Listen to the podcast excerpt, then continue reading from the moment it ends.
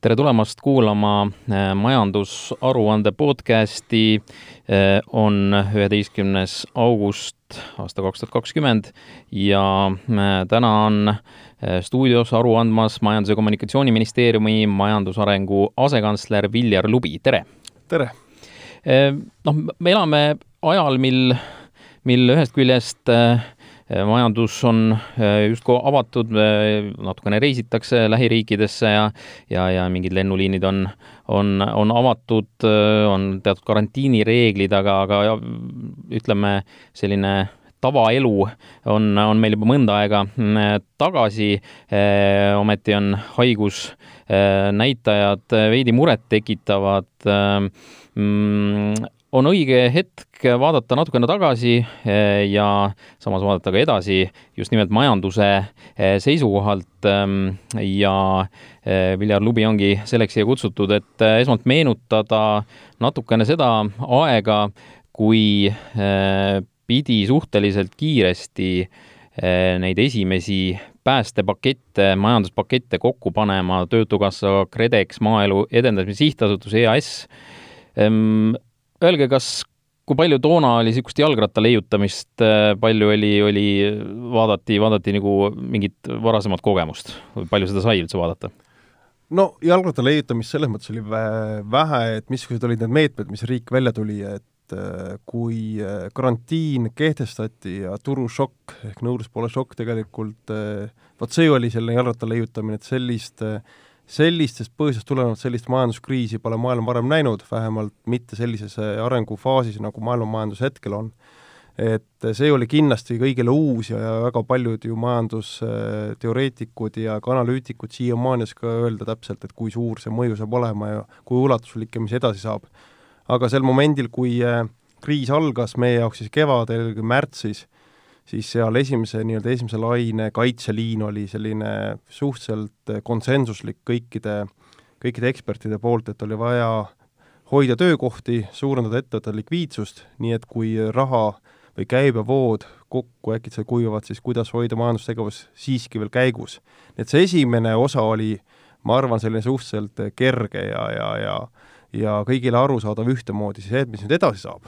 siin on juba rohkem, oluliselt rohkem valikute kohti, oluliselt raskem on ennustada ja õigeid vastuseid välja pakkuda, nii et päris nagu õigeid vastuseid ei olegi, sest sest esiteks on äh, majanduspoliitilised lähenemised, on riigiti ja ka maailmavaateliselt erinevad, aga teine osa on ka see, et tegelikult nagu sissejuhatuses sai öeldud, et et seda kõike taastumist või sellest äh, kriisi jätkumist, see kõik sõltub selle viiruse jätkumisest. ja kuna me siiamaani ei tea, et, et meie stsenaariumid kevadel olid sellised, et et võib-olla esimene optimistlik oli, et mais on kõik läbi, siis oli, et juunis on kõik läbi, nüüd me oleme augustis. ikka on nii, et jah, osaliselt on majandus lahti, aga tegelikult täielikult ei ole ja ja mis seal salata, et Eesti väikse avatud riigina me sõltume väga palju sellest, mis mujal toimub. nii et meil võime olla siin omas ilusas mullis olla ja suvi on tõesti, on nauditav olnud ja ma loodan, et inimesed on saanud käia palju Eestis ringi. aga majanduses tuleb kõik viitajaga ja see, mis mujal maailmas toimub, saab meid mõjutama veel pikka aega. Eh, no kui me vaatame veel korraks tagasi, Töötukassa meedet on, on kiidetud äh, taevani, et ettevõtjad olid sellega äh, väga rahul, see oli igati, igati õige, õigesse kohta, nagu te ütlesite ka, et tegelikult noh, see oligi üks, üks esimesi selliseid eesmärke ka äh, hoida töökohti. Ja me tõenäoliselt ei teagi kunagi, et, et palju see siis reaalselt töökohti ja, ja ettevõtteid äh, elus hoidis. no olete te ise ka sellega rahul, selle, selle meetmega, selles mõttes, et kuidas see vastu võeti, kuidas see töötas, et väga kiiresti see äh, ka nii-öelda el-, ellu kutsuti üldse, et äh, nii, nii ütleme siis äh, tehnoloogiliselt kui, kui vormiliselt oli kõik, käis väga kähku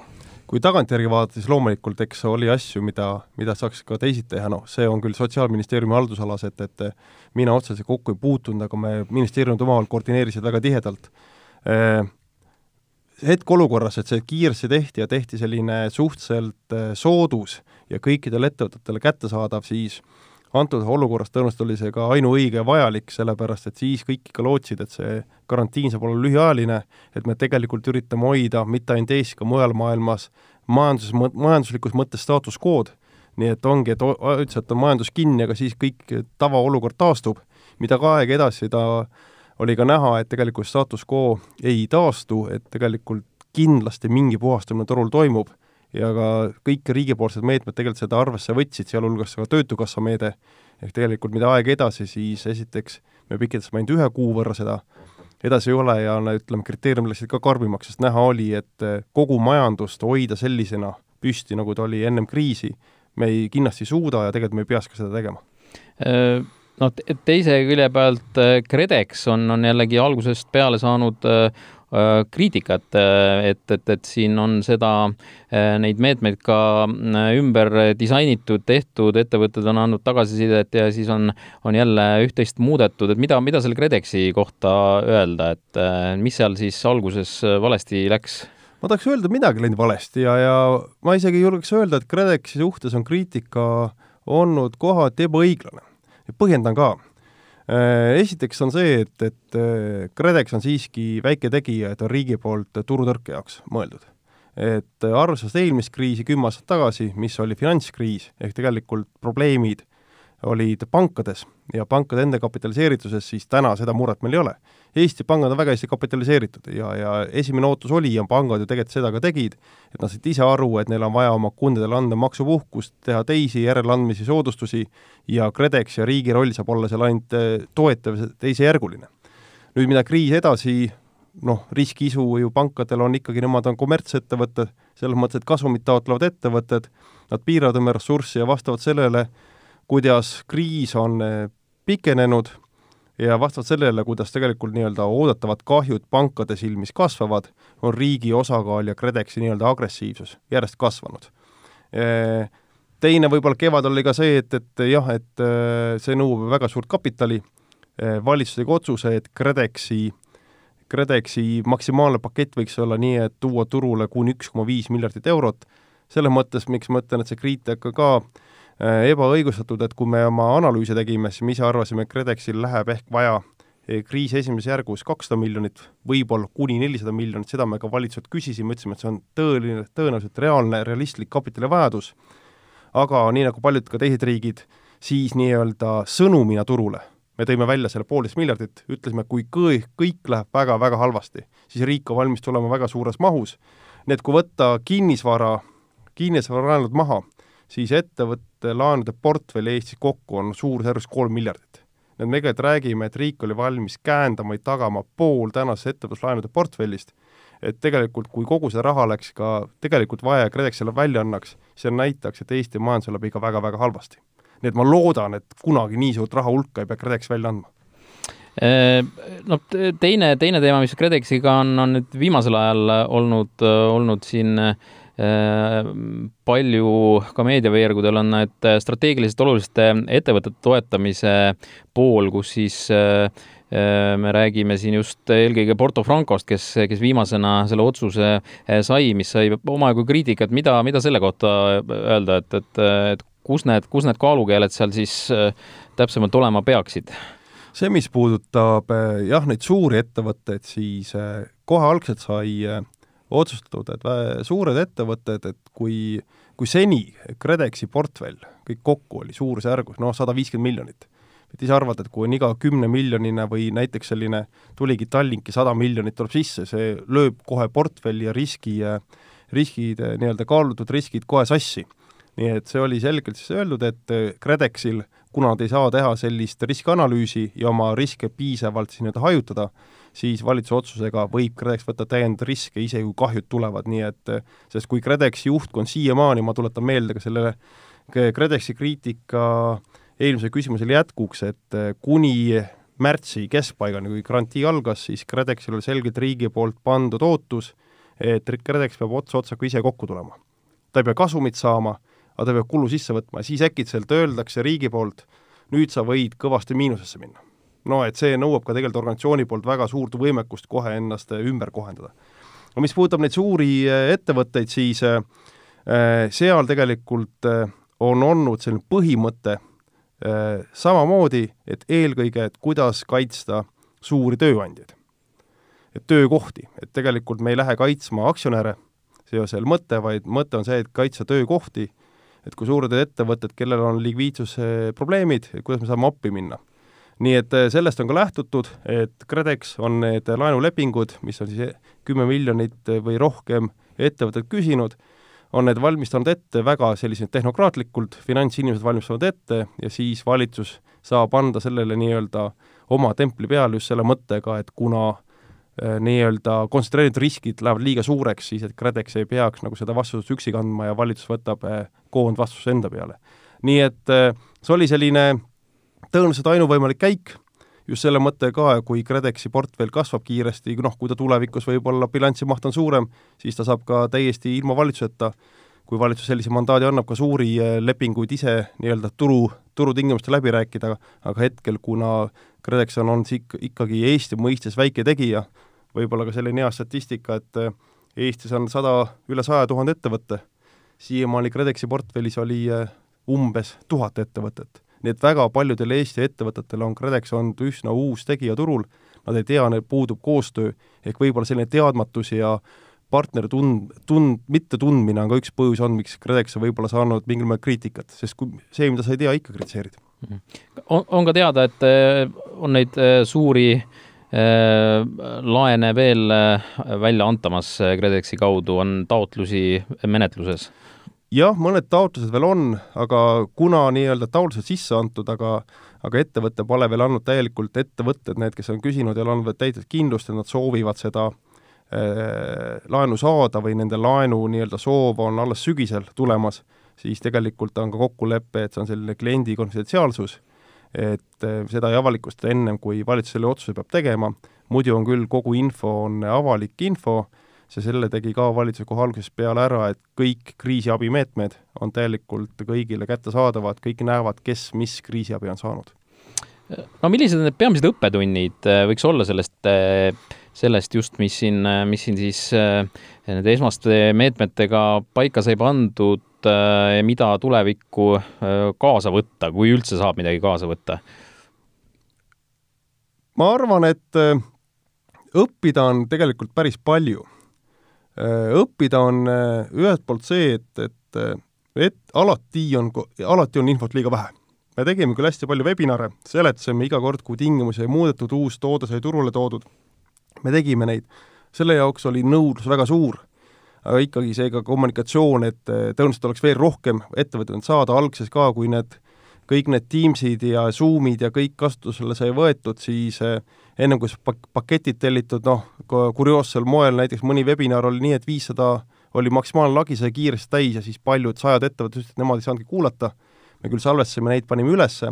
et selline informatsiooni, infovahetus on, on äärmiselt, äärmiselt oluline, et et praegu ka, et äh, Raul Seemi poolt kokku kutsutud ekspertgrupp, mida ma, mul on siis au juhtida ka, et me väga palju ka sellest lähtume, et kui peaks see teine laine tulema, et missugune võiks olla selline ettevõtete ja riigipoolne hea koostöö, et mis on need probleemid, mis va-, vajavad äh, lahendamist. et üks asi on ka majanduslikus mõttes väga, väga erinev, et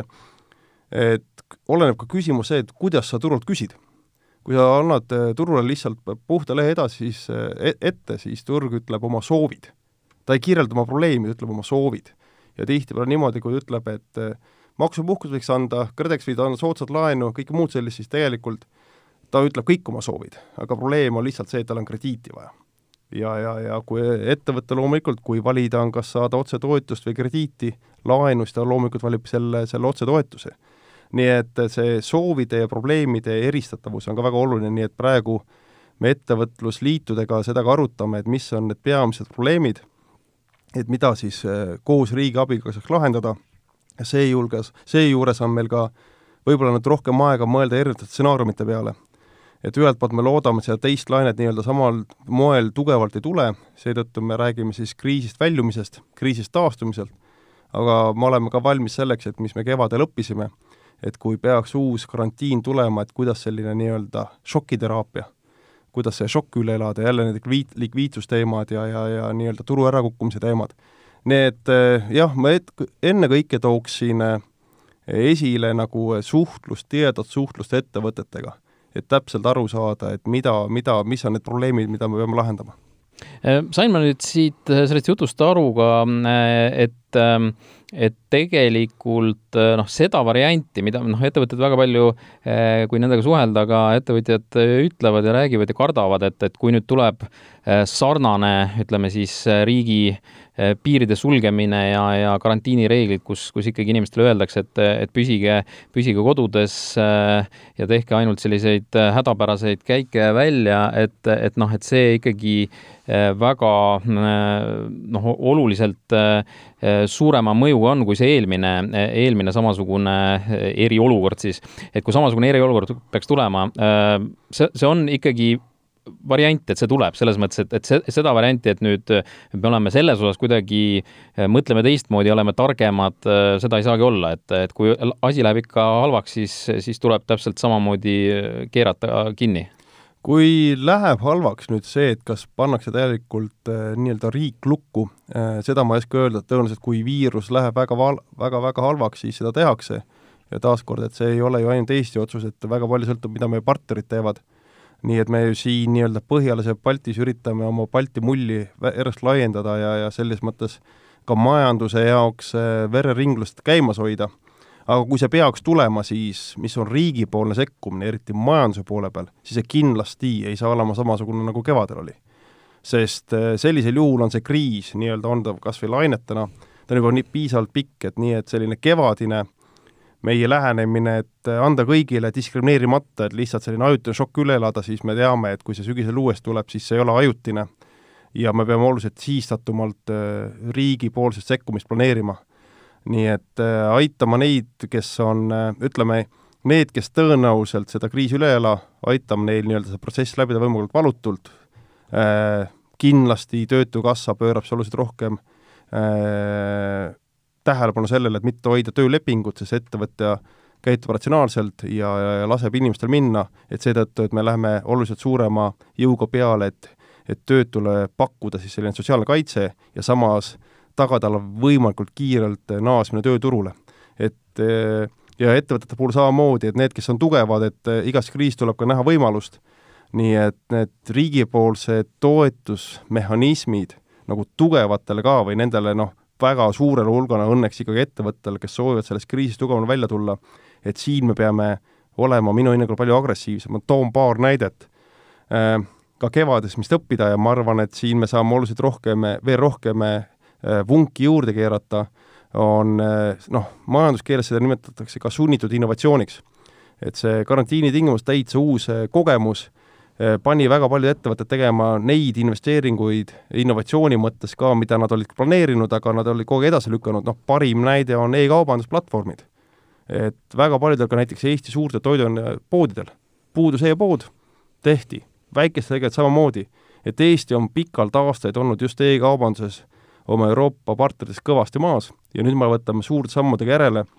või on see, kuidas koolid toimivad või mõned teised sektorid, see sunnitud innovatsioon, siin riik, innovatsioon on nagunii üks teema, mida Eesti majandus vajab oluliselt rohkem. nii et kui me siin riigipoolset tuge, innovatsioon on alati riskantne, nii et riigi tugi on alati vajalik. et kui me siin nagu seda saame to-, äh, anda, on väga hea. või kui me räägime KredExist, siis äh, KredExil on ka nii-öelda tütarfirma Krediidikindlus AS, mis aitab eksportivaid ettevõtteid muuhulgas, ekspordikrediit. Et igas kriisis on nii, et äh, toimub äh, kriisi ajal ja kriisijärgselt kohe äh, alati teatud turgude ümberjaotamine. nii et need Eesti ettevõtted, ja neid on päris palju, kes tegelikult on võimelised nüüd selles olukorras oma turuosa just eksportturgudel ka, turgudel ka juurde võitma, siis siin on nüüd küll see koht, kus samamoodi riik saab abiks olla ja aidata ekspordikrediidiga, ettemaksude võimaldamistega, muu sellisega, et noh, toome näite, et Eesti laevatootjad, paaditootjad on väga-väga tugevad Saksamaal ja nad on valmis kiiresti äh, nii-öelda laienema, aga eks seal on ju omad riskid ju, nemad ei tea, kas nende kunde nelja kuu pärast alles on. et siin on see koht, kus riik saab koos ettevõttega riske jagada ja ma arvan küll, et see on riigi poolt ka väga mõistlik nii-öelda riski võtmine või tegelikult investeering, et see Äh, pikas perspektiivis kindlasti meie majanduse arengule ja meie nii-öelda heaolule tuleb kasuks no kuidas meie olulistel majanduspartneritel praegu äh, läheb, selles mõttes, Rootsi andis siin teada hiljuti sellisest suurest majanduslangusest Rootsi on, Rootsist on ikka räägitud kui, kui vaata, et ühest märgilisemast välisturust just selles mõttes, et meie pangandus suuresti Rootsist pärineb, kaks suurt panka, et mida, mida teised lähiriigid siin, millist seisu näitavad, et, et just öeldakse, et sügisel need eksportivad sektorid võivad hakata järjest pihta saama? see, et majandus tuleb kõik viit, viitaega, see on jah, selgemas selgem ja see raskemat osa, ma arvan, veel näeme, et hetkel on selline teatud optimism, kui Eestis pankadega rääkida, siis nad ütlevad, et suve kohta, et see olukord on isegi parem, kui nad lootsid. et kui kanti palju maksupuhkusid, siis on väga paljud ettevõtted küsinud ka ise selle lõpetamist, soovivad oma nii-öelda äh, maksukohustuse täitmisega jätkata, et ettevõtetel nagu sellist puhvrit ja lootust on. See, mis toimub eksportturgudel, jah, see on kõige raskemini ennustatav, sellepärast ma sellest ekspordikrediidist rääkisin ka, et, et ega teistel turgudel samamoodi. Äh, kui me räägime ikka sellest, et siin on majanduse äh, majandus või majanduslangus on umbes kümme protsenti, siis ei tohi unustada, üheksakümmend protsenti jääb ikka alles nii et see tarbimine on küll väiksem, aga ta ei kao ära ja ta suures ulatuses jääb, nii et ettevõtetele, inimestel on ikkagi vaja tarbida ja nii-öelda see eksport, kui just piire kinni panda, see eksport siiski säilib ja, ja piire vast kinni panda, sellepärast ka kevadine kogemus näitas, et kui inimeste liikumist piirati, siis kaupade liikumist hoiti ikka väga järjekindlalt lahti. ja see oli majanduse seisukohalt väga oluline. see, mis toimub meie lähiturgudel, on meile määrav äh,, statistika noh, hetkel see statistika on kõik ajutine, et kui suured majanduslangused tegelikult tulevad, on raske öelda, aga hetkel tundub, et me oma Põhjala partneritega käime ühte, ühte sammu, eks sinna vahemikku seitse kuni kümme protsenti majanduslangus see aasta tuleb ja nüüd on olulisem see, et kus võib-olla äh, riikide erinevused välja tulevad, on see, kui kiiresti tuleb taastumine. et see on nagu väga-väga oluline ja ja, ja seetõttu on ka minule oma positsioonist ja, ja poliitika kujundajana oluline see, et, et et selle kriisi, kriisist väljumine oleks meil, me teeks nagu oma nii-öelda uusi äh, samme riigi poolt võimalikult äh, targasti. et see ei ole ainult kriisimeede, vaid see on ka nii-öelda vundament tulevikuks, sest äh, Eesti majandus näitas jahenemise märke juba ennem kriisi algust. noh, viimased kuus kuud ennem kriisi oli eksport juba kukkuvas äh, faasis ja peamine põhjus oli meie tööjõumahukus. ehk tegelikult kuna kõik soovime kõrgemat palka, palgad läksid üles, siis see vähendas meie konkurentsivõimet, nii et see innovatsioon ja digitaliseerimine, et sellest siis üle ja ümber, et, et ettevõtjad teavad ka seda, nad ütlevad ja, jah, ja jah, eks see selle valus ole, aga noh, mingil määral see paratamatu ja, ja ma arvan, et riik peab siin kaasa aitama, aga lõppkokkuvõttes on ettevõtjad need, kes riske võtavad ja otsuseid teevad, nii et eh, soovin neile palju riskijulgust ja, ja, ja tulevikku vaatamist. no kuidas pankade käitumisega selle kriisi ajal äh, siiani rahule võib jääda, ettevõtjad olid, äh, olid alguses üpris närvilised, mõtlesid, et et ei tea, mis sealt tulemas on, kuidas, kuidas pangad reageerivad, mida öelda selle kohta? noh, pangad on selles mõttes olnud, et pangad nagu, nad on võrreldes eelmise kriisiga jah, nagu ma ennist ütlesin, oluliselt rohkem kapitaliseeritud raha neil on, nad saavad aru, et selline nii-öelda tingimuste leevendus oma kundadele oli ka neile mõistlik, nii ratsionaalne lähenemine, mitte mingi altruism. Neil oli seda endale vaja, nad said aru, et see on pikas perspektiivis vajalik äh,, kraane pole otseselt kinni keeratud, samas siiski, kui olla kriitiline, siis kriitiline olla selles suhtes, et äh, mida viimastel päevadel ka siin äh, taaskord rohkem arutatud, et Eestis on raha saamine ettevõtluseks väga-väga pankadekeskne, võrreldes paljude teiste riikidega, et meil ega ettevõtjal, kui sul nüüd oma, oma, oma kapitali ei ole, siis kuskilt nii-öelda raha tõsta väga palju ei ole. Et see on meie suur häda ja viletsus, et me kindlasti peaks seda rohkem tegema, et kas see on siis alternatiivbörs, no riskikapitali nagunii võiks panna, taaskord seostub selle äh, sunnitud innovatsiooniga, et kui on ikka sul palju ideid ja sa näed selles kriisis, kuidas oli mingi idee on täitsa katmata siis ega kui sul ühtegi vara nagu selja taga ei ole, siis peale riskikapitali sa kuskilt raha ei saa ja pangad seda raha sulle ei anna. nii et ja minna regioonidesse on veel hullem, juba ennem kriisi oli ka see, et, et e, riigiametnikuna tihti lähed, eriti kui oled selline ettevõtjate poole riigiametnik, kes tegeleb ettevõtetega, siis maapiirkonda mõtled, et noh, eks ikka kritiseeritakse riiki ka, aga tegelikult kõige suurem kriitika on pankadele. ja, ja regionaalid ütlevad, et rahale ligipääsu ei ole ja põhjus on lihtne, et tagatisi ei ole. et ütleme, üks tootmishoone Valgas ei maksa üldse nii palju, kui ta maksab Tallinnas või Tartus. aga, aga siin ka, et juba ennem kriisi õnneks KredExiga oleme üritanud siia rohkem appi tulla, et KredExis on see, kus turutõrge meil on tõesti käes ja KredEx selle nii-öelda tagatise puudumise riski võtab enda peale. et siin eh, pankadega me tahame teha koostööd eh, võimalikult palju, tänu sellele oli ka see, et kui tulla tagasi sellele, selle juurde taas, et kas KredEx oli kevadel piisavalt kiire, hea, agressiivne, siis meie esimene soov on loomulikult teha pankadega maksimaalselt koostööd, sellepärast et nagu ma ütlesin, kui Eestis on sada kakskümmend tuhat ettevõtet, kellel kõigil on olemas pangakonto, siis tegelikult KredExi kundasid oli ainult tuhat. et me ei eeldanudki või me ei soovinud, kõik need sada kakskümmend tuhat jooksevad kohe KredExi kundadeks, aga kuna, kui needsamad suurettevõtted ja väiksemad ka, et kui tegelikult pangad nii-öelda ei ole piisavalt eh, koostööaltid, siis on olemas Eesti ettevõtetel alati võimalus tulla KredExist ka otselaenu küsima. et see otselaenu teema ka ja siin on need mahud ikka oluliselt kasvanud.